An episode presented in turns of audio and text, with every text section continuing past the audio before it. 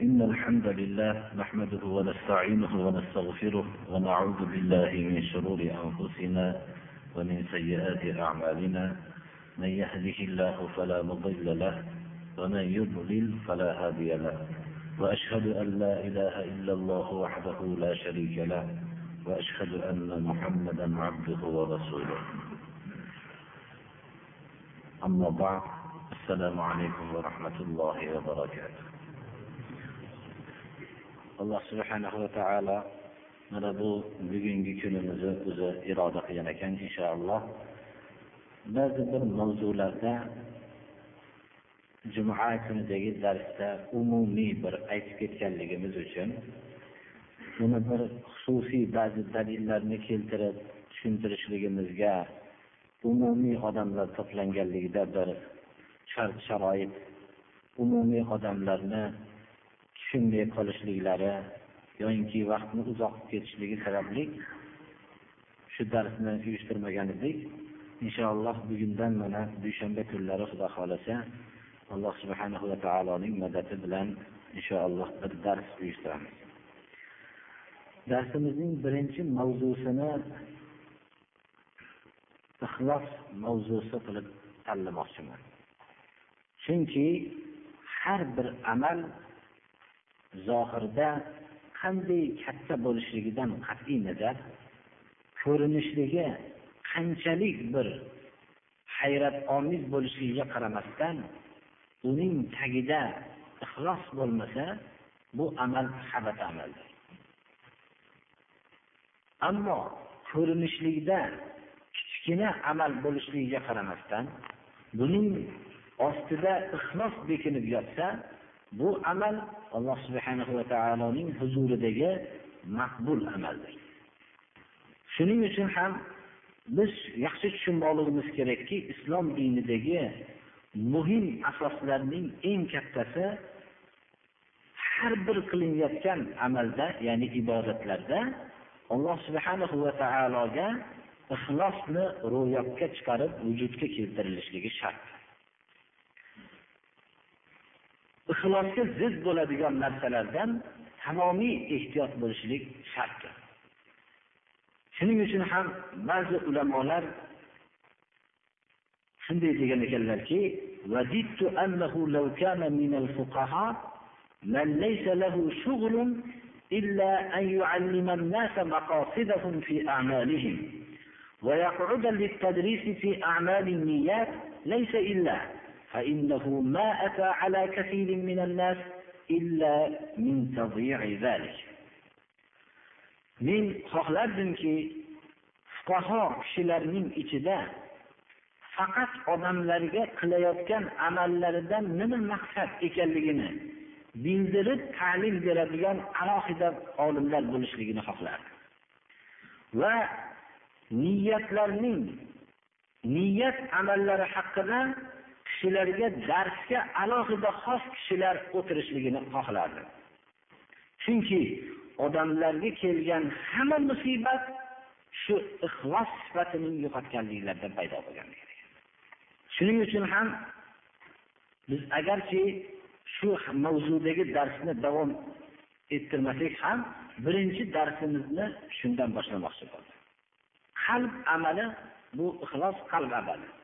Inson buni ko'rsata olmaydi. Magar bu olloh subhanahu va taolo bilan banda o'rtasidagi bir sirdir. Amalning zohiri buni ko'rishligimiz mumkin ammo ixlosni biz ko'ra olmaymiz. Amal qalbining muhimligi shu darajadaki ahli sunnat va jamoa iymonni ta'riflashganlarki iqrorun bil lisan va i'tiqodun bil janan va amalun bil arkan. Ba'zilar bunga yazidu bit ta'ati va yanqusu bil isyan qo'shib qo'yganlar. Iymon nima? Til bilan iqror bo'lishlik. Bu zohir bo'ladi.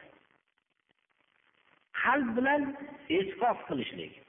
Bu ko'rinmaydi. Bil arkan. Shariat rukunlariga amal qilishlik. Bu ham ko'rinadi.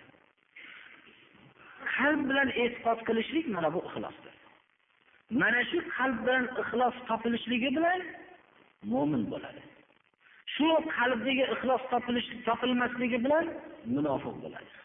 Shu qalbdagi ixlos topilmasligi bilan do'zaxning eng pastki qismida bo'ladi.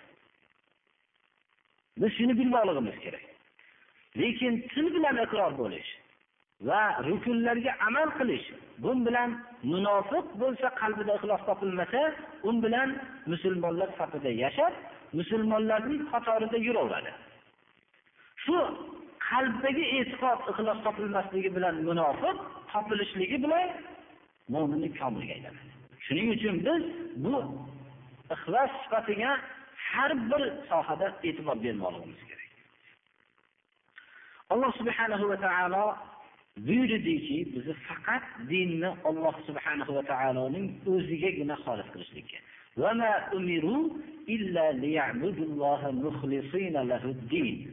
Dinni Alloh subhanahu va taoloning o'zigagina xolis qilishlikka ma'mur bo'lishgandir. Din Alloh subhanahu va taoloning o'zigagina amalni xolis qilishlikdir. Dinning ma'nosi bundan boshqa emasdir, birodar Biz ixlosning yana bir tushunmoqligimiz uchun dunyodagi eng katta amallardan bittasi mukofotlar ilmni shariat ilmini talab qilishlikka tayin qilingandir va shuning muqobilasida past amallardan bittasi amalning habata bo'lishligiga sabab bo'ladigan narsa it boqishlikdir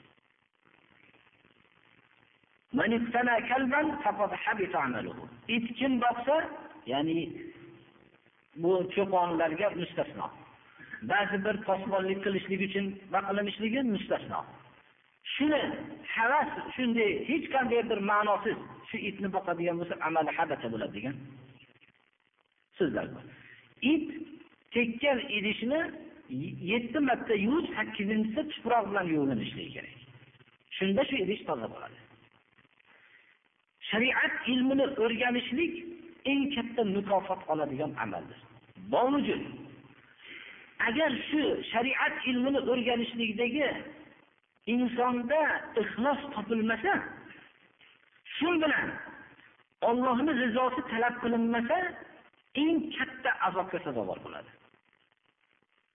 Shu it ro'barosidan chiqqan vaqtida ya'ni yetti marta yuvib sakkizinchisida tuproq bilan yuvilsa toza bo'ladigan it ro'baru bo'lgan vaqtda shuning chanqoqlik holatda topib ixlos bilan shuni halok bo'lishlikdan saqlanib qolishligiga sabab bo'lsa alloh subhanahu va taolo gunohlarni mag'firat qiladi. Biz ixlosning qanchalik muhimligini bilib olishimiz kerak. Rasululloh sollallohu alayhi vasallamning hadis muboraklarini keltirmoqchiman.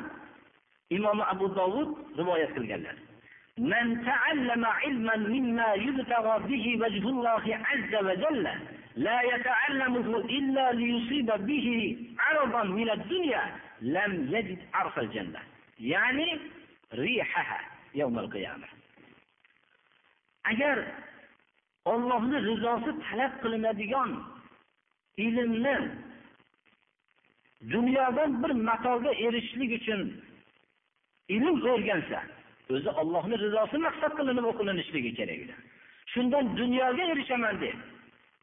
Ya'ni bundan murod ba'zi bir dunyo ilmlari borki bu bilan men dunyodagi kasbimni to'g'rilab olaman degani emas.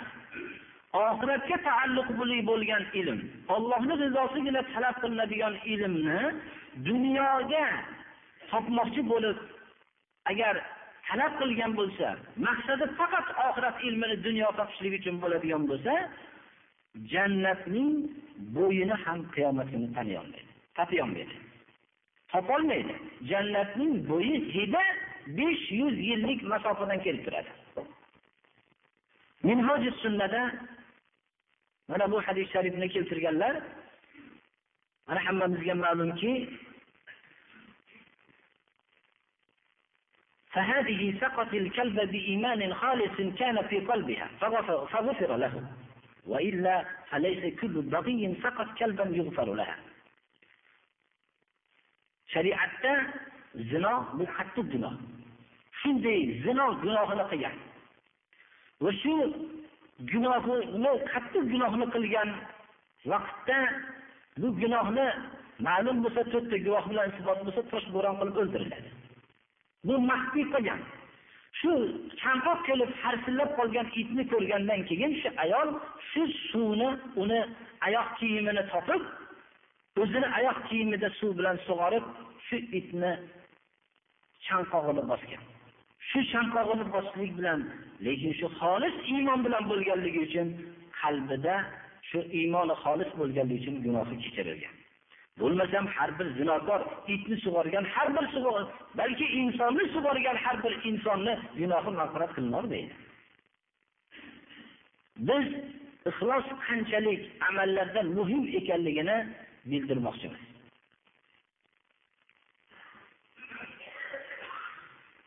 Undan tashqari biz shuni muqobalasida rasululloh sollallohu alayhi vasallamning rivoyat qilingan sahih hadisni abu hurayra roziyallohu anhu rivoyat qiladilar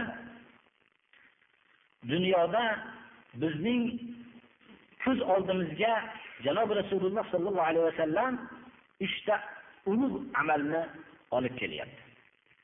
Olib kelyaptilarda bu amalni qilgan kishilar bizni nazarimizda eng katta amal qilgan kishilar lekin bu do'zaxga tushganligini bizga ko'rsatib beryaptilar.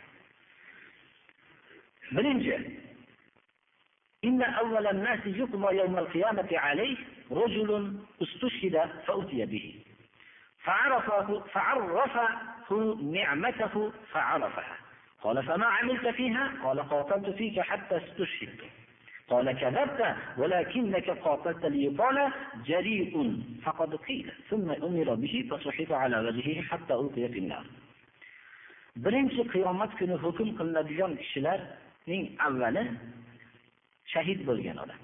Ya'ni ko'rinishda shahid bo'lgan. Biz uni shahid deymiz. Olib kelinadi. Alloh subhanahu va taolo o'zini ne'matini unga tanittiradi. U ham taniydi. Senga ne'mat berdim yo'qdan bor qildim senga ko'p ne'matlar berdim deb tanitadi. Bu ne'matlarga banda iqror bo'lib tan oladi. Ho'p buncha ne'matni olib nima hayotda qilding? Seni yo'lingda jang qildim hattoki shahid bo'ldim deydi. Alloh subhanahu va taolo kazabda bekor aytishsan yolg'on so'zlarsan yolg'on so'zlading. Sen qahramon deyilishligi uchun jang qilgansan. Sen aytildi mukofotingni olding qahramon deyildi deb buyuriladi yuzi bilan sudralib do'zaxga uloqtiriladi. ورجل تعلم العلم وعلمه وقرأ القرآن فأتي به فعرفه نعمه فعرفها قال فما علمت؟ قال تعلمت العلم وعلمت وعلمته وقرأت فيك القرآن. قال كذبت ولكن تعلمت ليقال عالم وقرأت القرآن ليقال قارئ فقد قيل ثم أمر به فسحب على وجهه حتى ألقي في النار. mana ikkinchi kishi ilm o'rgangan birovlarga o'rgatgan qur'on o'qigan buni olib kelaman. Biz eng ulug' kishi deymiz. Haqiqatda ko'rinishda ulug' odam. Alloh subhanahu va taolo ne'matlarni tanitadi. Bu ne'matni berdim u ne'matni berdim va ilm berdim ilmni ta'lim qilishlikni ham senga nasib qildim. Qur'on o'rganding qur'on o'rgatding bu fan olib bu ne'matlarni biladi. Nima qilding bu ne'matlarni mukofotiga? Ilm o'rgandim va o'rgatdim seni yo'lingda qur'on o'qidim deydi. Yolg'on so'zlading deydi alloh taolo. Lekin olim deyishligi uchun sen ilm o'rganding qur'onni qori deb nom chiqarishlik uchun qur'on o'qiding. Seni haqqingda bu mukofotlar aytildi hayotda. Deb uni buyuriladi yuzi bilan sudralib do'zaxga uloqtiriladi ورجل وسع الله عليه وأعطاه من صنوف المال فأتي به فعرفه نعمه فعرفها قال فما عملت فيها؟ قال ما تركت من سبيل تحب أن ينفق فيها إلا أنفقت فيها لك. قال كذبت ولكنك فعلت لي قال الجواد فقد قيل ثم أمر به فسحب على وجهه حتى ألقي في النار. imom muslim rivoyatlarida keltirilgan uchinchi kishi alloh subhanahu va taolo unga vasi davlat bergan turli mollardan bergan uni olib kelinadi. Alloh subhanahu va taolo ne'matlarni unga tanittiradi bu taniydi biladi.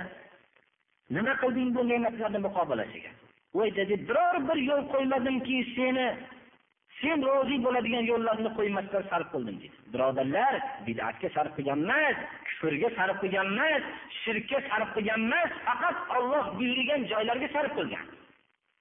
Ammo shuni saxiy xotamtoy deyishlik uchun muruvvat qilgan. Biz buni avvalo olloh yo'lida sarf qilolmayapmiz. Ana shunda saxiy deyilishligi uchun sen sarf qilding odamlar seni nihoyatda saxiy deb maqtashdi. Mukofotni olgansan. Shu maqsadida maqsadni olding adolat bu ayni yuzi bilan sudralib do'zaxga uloqtiriladi mana bu hadisdan biz o'zimizga xulosa chiqarib olamizki ixlos bo'lmagan amal har qancha ko'rinishda katta bo'lishligidan qat'iy nazar. U habata amal.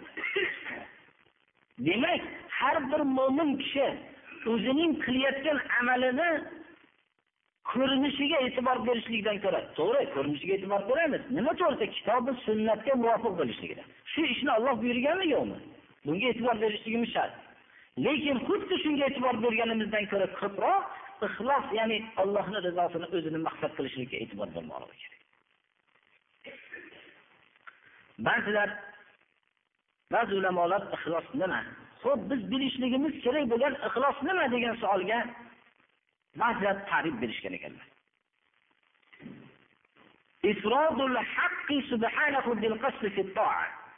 Itoat qilinayotgan vaqtda allohga itoat qilinayotganda faqat alloh subhanahu va taoloning o'zini qasd qilishlik. Mazla. Yana buni kengroq tushunishlik uchun al ixlos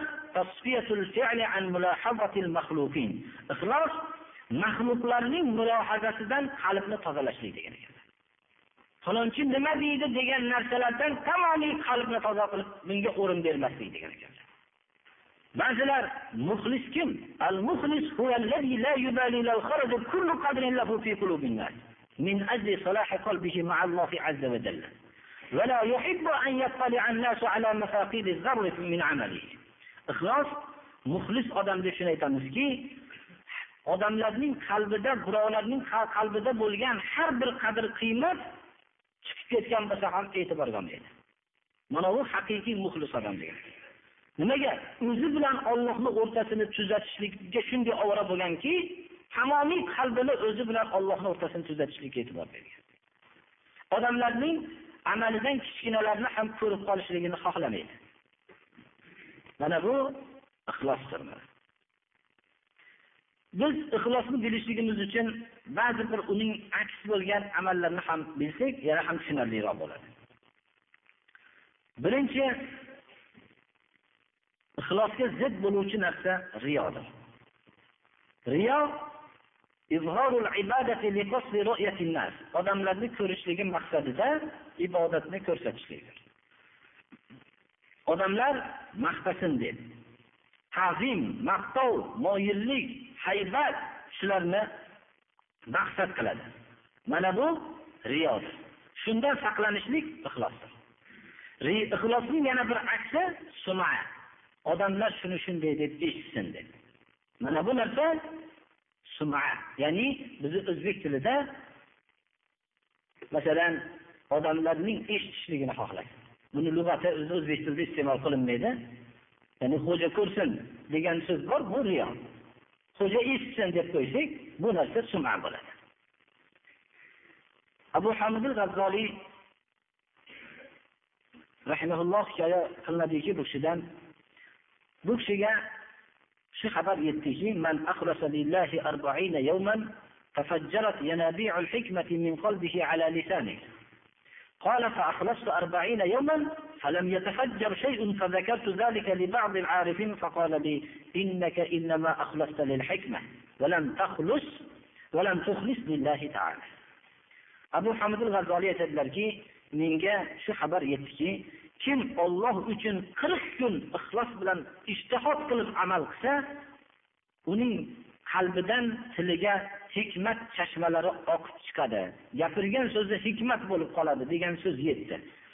Men qirq kun qattiq o'zimni ustimda ishlab ixlos bilan amal qilib yurdimki bu narsa menga hosil bo'lmadi dedilar shunda bu narsani ba'zi orifi billahlarga aytdimki men shu narsani eshitgan edim qirq kun shunga ishtihob qildim ammo hikmat chashmalari qalbimdan tilimga chiqmadi. Deganlarda aytgan ekanlarki sen hikmatni chiqishligi uchun harakat qilding olloh uchun harakat qilmading degan ekanlar. Shunchalik ixlos bo'lishligi kerak. Ba'zi kishilar ixlosni hosil qilishlik uchun savol berilganda aytgan ekanlarki birinchi ko'rinmaydigan ibodatlarni ko'p qilishlik. Maxfiy qilishlik ko'p qilishlik bilan birga nihoyatda maxfiy qilishlik. Masalan kechqurunda bedor bo'lish. Kim falonchi kechqurunda bedor desa shunda uni aksini qilib bedor bo'lmaslik. Shu bedor bo'lganligingizni bildirmaslikka harakat qilishlik. Va sirriy sadaqotlar qilish. hech kim bilmaydigan sirriy sadaqotlar qilish va xoli vaqtda ollohdan qo'rqib yig'lashlikdir mana bu narsa bilan kishida ixlos paydo bo'ladi umar faruq roziyallohu anhu aytgan ekanlarki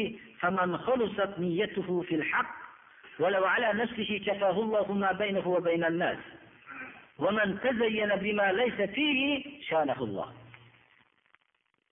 kim niyati haqda xolis bo'lsa agarki o'zini zarariga bo'lsa ham xolis bo'lib ish qilsa alloh subhanahu va taolo un bilan odamlarni o'rtasiga kifoya qiladi. Bu odamlar bilan uni o'rtasidagi kelishmovchiliklarni o'zi o'nglab qo'yadi. Odamlar bilan o'zingizni o'nglashlikka harakat qiling birodar. Bu qiyin narsa. Odamlarni to'qson to'qqiz yil agar yuz yil umr berilsa to'qson to'qqiz yilu bir kuni kam yuz yilni xursand qilib umringizni oxirgi kunida ko'nglini ololmasangiz shu kuni sizda xafa bo'ladi. Agar odamlar bilan o'zingizni o'rtangizda tuzatmoqchi bo'lsangiz alloh subhanahu va taologa niyatingizni xolis qilmoqligingiz kerak. Agarki o'zingizni zararingizga bo'ladigan bo'lsa ham alloh subhanahu va taolo siz bilan odamlar o'rtasida kifoya qiladi.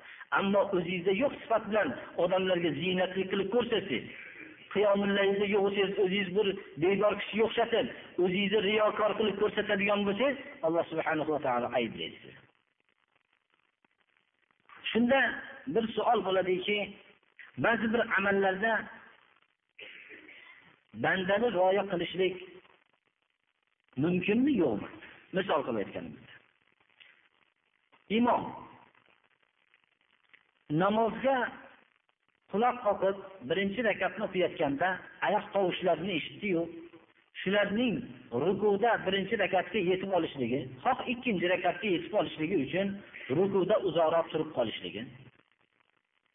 Yoyinki shunga o'xshagan ba'zi bir ibodat ustida boshqalarga yordam berishlik uchun odamlarni rioya qilishlik ham riyo bo'ladimi ixlosga zidmi yo'qmi degan savol bo'lishi mumkin.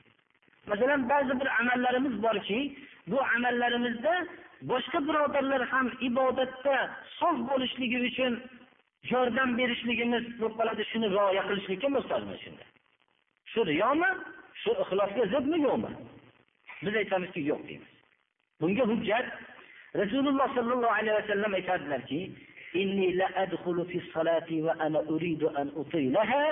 إني لأدخل في الصلاة وأنا أريد أن أطيلها فأسمع بكاء الصبي فأتجوز في صلاتي مما أعلم من شدة وجد أمه لبكائه إمام بخاري رواية men namozga kiraman dedilar rasululloh sollallohu alayhi vasallam quloq qoqib namozga kiramanda namozni bir uzun o'qigim keladi bir uzun suralarni uzun oyatlarni o'qib bir o'qigim keladida to'satdan go'dak bolaning yig'isini eshitib qolaman ya'ni bu hadis biz mavzudan chetga chiqsak ham ayollarning besh vaqt namozga kelib turganligiga dalolat qiladi. Ya'ni go'dak bolaning yig'isini eshitib qolaman. Namozda emas u go'dak bola. Ma'lum bir agar islomiy bir holat bo'lsa jamoatga kelgan bolalik ayollarning shu go'dak bolalarni turadigan joyi bo'ladi birodarlar. Shu bolani yig'isini eshitib qolaman. Namozimni uzun o'qimoqchi bo'lgan niyatimni buzamanda qisqa uzun oyatni o'qimasdan uzun surani o'qimasdan qisqaroq qilaman. Nima uchun? Shu namozda turgan shu bolaning onasini shu bolasining yig'idan yig'isidan ko'p alamlanganligidan shuni rioya qilib namozni qisqa o'qiyman dedi. Mana bu narsa shu namozga iqtido qilib turgan ayolning ibodatda xotirjamroq bo'lishligiga yordam bo'ladigan narsa bo'lsa bu ixlosga zid bo'lmaydi ya'ni bundan biroq biror bir kishi namozda turgan bo'lsa bir ozgina muddat shu namozda rukuda yetib olishlari va shunga o'xshagan yoyinki bomdod namozida uzunroq oyatlarni o'qish maqsadidan birinchi rakatga uzun o'qishligidan namozga kishilarning yetib kelishligini rioya qilishlik bu ixlosga zid emas. Demak ixlosga zid bo'lmagan amalni yaxshi bilib olishimiz kerak. Birodarlarimizni ibodatga yana ham ularga ibodat qilishliklariga imkoniyatda yordam berishligimiz bu ixlosga zid bo'lmaydi. Yana biz shuni ham bir esga olib o'tishimiz kerakki alloh subhanahu va taoloning rizosi uchun ba'zi bir narsalarni ollohdan so'rash. Bu hadislarning mazmunida borki riyosatni so'ramaslik xalqlar ustida peshvo bo'lishlikni ollohdan ya'ni ollohdan so'rashlik emas u shunga haris bo'lmaslik amirlikka haris bo'lmanglar qiyomat kuni nadomat bo'ladi lekin استعيذ بالله ربنا هب لنا من ازواجنا وذرياتنا قرة اعين واجعلنا للمتقين اماما xudoyo o'zimizni juftlarimizdan farzandlarimizdan avlodlarimizdan ko'zimiz xursand bo'ladigan ne'matingni ber. Mo'min kishi oilasini qanday bo'lishligiga ko'zi xursand bo'ladi. Ollohni hukmiga bo'ysunib yurganligini ko'rishlik bilan xursand bo'ladi. Farzandlarini qanday bo'lishligini ko'rishlik bilan xursand bo'ladi. Farzandlari ollohni hukmiga bo'ysunishligini ko'rishlik bilan xursand bo'ladi. Mana bu narsa alloh subhanahu va taolodan so'rayapmizki xudoyo ko'zimiz xursand bo'ladigan juftlar bergin va ko'zimiz xursand bo'ladigan zurriyotlar bergin va bizlarni o'zingdan qo'rqqan muttaqillarga imom peshvo qilgin peshvolikni so'rash muttaqillarga bo'lgan peshvo muttaqin kim? Ollohdan qo'rqqan kishilar. Taqvo sifatiga ega bo'lgan kishilarga peshvo bo'lishlikni ollohdan so'raydi deb olloh o'zining yaxshi bandalarini maqtayapti fosiqlarga peshvo bo'lsangiz siz qiyomatda bularni peshvosi bo'lganligi uchun javob berasiz agar amri ma'ruf munkar qilmasangiz muttaqillar atrofingizda yig'ilgan agar muttaqin kishilar bo'ladigan bo'lsa ular sizga qiyomat kuni hamma bir biriga dushman bo'lganda hatto ota onalar ham sizga savob berolmayotgan vaqtda ular sizga do'st bo'ladi. Halil ya'ni haqiqiy do'stlar ham juda bir dunyoda haqiqiy do'st deganlar ham bir biriga dushman magar muttaqillar bir biriga do'st bo'ladi. Shuning uchun muttaqillarga imom peshvo bo'lay degan narsani so'rash bu ixlosga boshqa narsalarga zid emas birodarlar mana bu hadis shariflarning mazmunidan biz o'zimizga bir xulosa chiqarib olishimiz kerakki hech qachon amal maqbul bo'lmaydi magar ixlos sifati bilangina maqbul bo'ladi.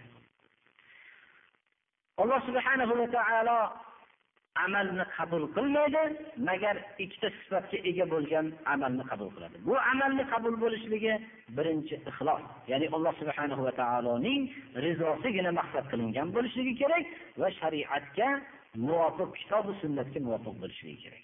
Demak ibodat ollohni o'ziga bo'lishligi kerak va hamda olloh buyurgan suratda bo'lishligi kerak.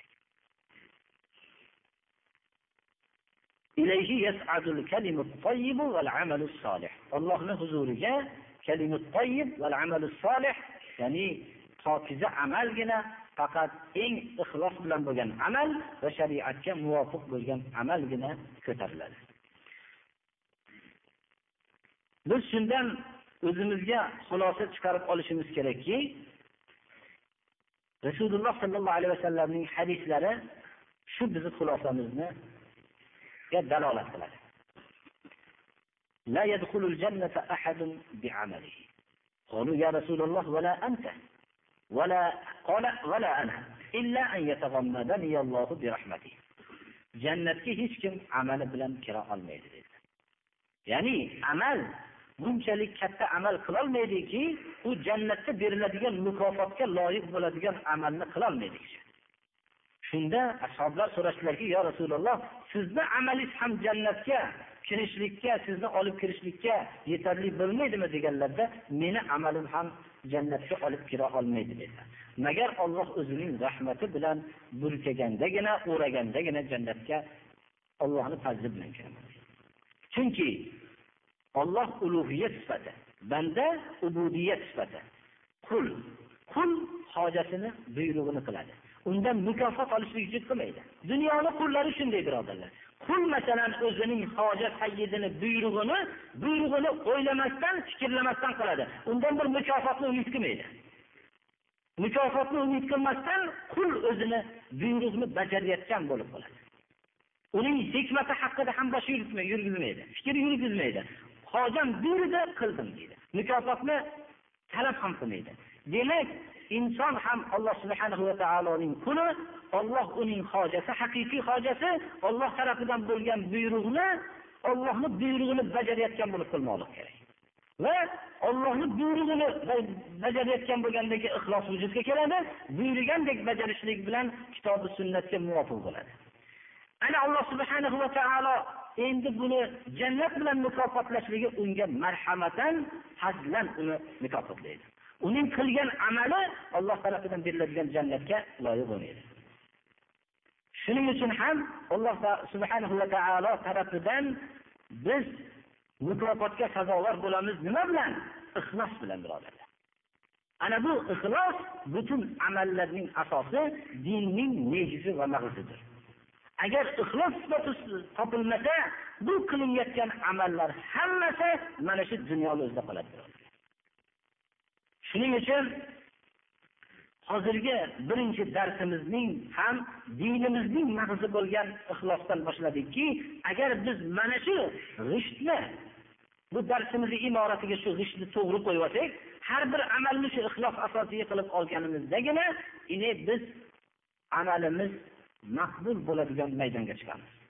Bo'lmasam bizning kechasi turib ibodat qilganlarimiz agar olloh rizosi uchun bo'lmasa qilib yurgan yaxshiliklarimiz olloh rizosi uchun bo'lmasa bir ixlos bilan hayotida bir marta oddiy amalni qilgan odam bizdan afzal bo'ladi shuning uchun banda o'zining har bir qilgan harakatini alloh subhanahu va taoloning rizosini uchun qilib olishi kerak. Men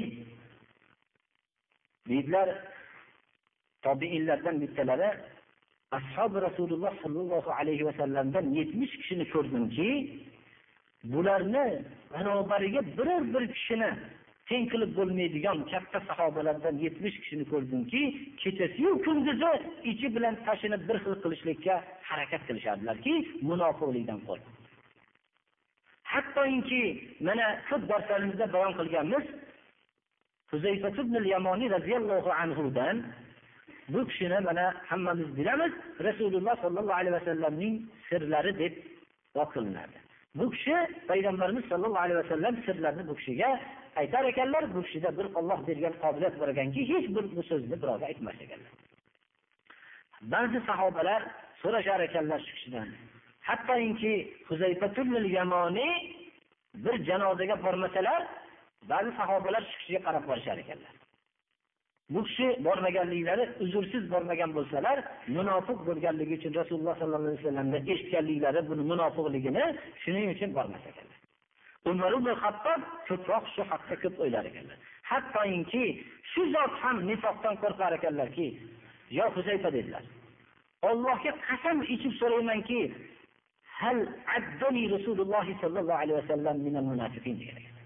Resulullah sallallahu aleyhi ve sellem meni munofiqlardan sana keldilar yo'qmi allohga qasam ichib aytaman ayamasdan gapirgin degan ekanlar yo'q degan ekanlar shu javobni bergan ekanlar inson o'zining ixlos sifatini yo'qotishlik bilan munofiq safhiga kiradi chunki iymon nima iqrorun bil lisan ve va bil janan va amalun bil arkan iymon til bilan iqror bo'lish qalb bilan e'tiqod qilish va islomning rukunlariga amal qilish uchovi munofiqda til bilan iqror bo'lish topiladi va rukunlarga amal qilish topiladi. Biz qatorimizda yurib namoz o'qiveradi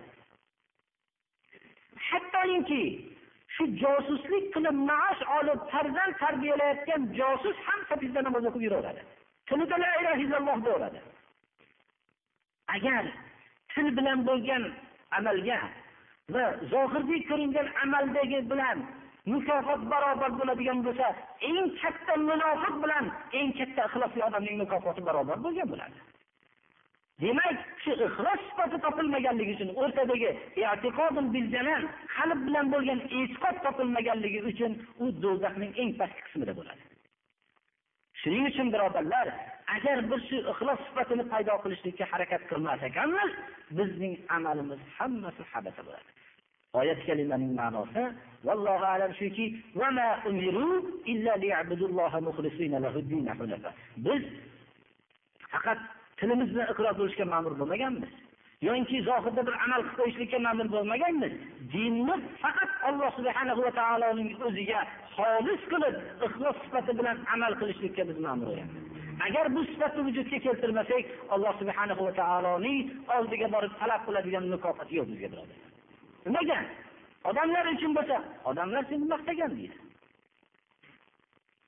Shuning uchun ba'zi vaqtlarda amaliy yangi boshqaga o'zingizni xaridoringiz nihoyatda ko'payib ketayotgan vaqtda o'zingizni bir tekshirib ko'ring. Xaridoringiz yo'qolib borayotganda alhamdulillahki shu vaqtda menga ham ixlos sifati nasib bo'lyapti deb e'tiqod qilmoqligimiz kerak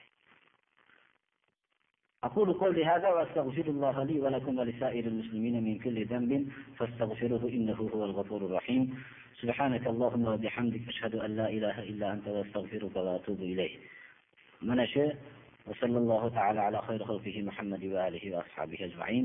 برنجب بن جد أستمز مراشندا إبارات برادلر الله سبحانه وتعالى من أشاء صفاتك حمى مزير muvaffaq qilsin. O'tgan vaqtdagi gunohlarimizni alloh mag'firat qilsin. Ibodatlarimizni alloh qabul qilsin. Ixlos ne'matini bizga ham alloh taolo nasib qilsin. Agar shu sifatni agar biz muttasib bo'lsak boshqa narsalar bizga zarar qilmaydi. Alloh bizga e, bizni e, amallarimizga muhtoj emas biz qulligimizni shunday ollohga ko'rsatib butun vujudimiz bilan qulman degan narsani ixlosni ko'rsatishligimiz biz ma'mur bo'lganmiz. Mana shu ma'mur bo'lgan narsani ko'rsata alloh olloh tarafidan bo'lgan mukofotga sazovor bo'lamiz. Ollohni beradigan matosi qiymatdir arzonemas ollohni beradigan matosi jannatdir. Mana shunday bilib olishimiz kerak. Bu jannat faqat ixlos sifatiga ega bo'lgan zotlarnikidir. Agar ahli jannatlarning zikrini ko'rsangiz o'ylaysizki meni amalim qayerdayu ahli jannatning amallari qayerda ahli jannat bo'lishni shu sifat bilan ahli jannat bo'lishni shu sifat bilan deyishsa do'zax ahllarining sifatlarini ko'rsangiz ularning ko'rib alhamdulillah men bunchalik rasvo bo'lmadimu degan xayolda bo'ladi demak doim mo'min kishi xavf va rajoda qo'rquv va alloh nazotidan qo'rquv va allohni rahmatidan umid qilishlikda yashamoqligi kerak وصلى الله تعالى على خير خلقه محمد وآله وأصحابه أجمعين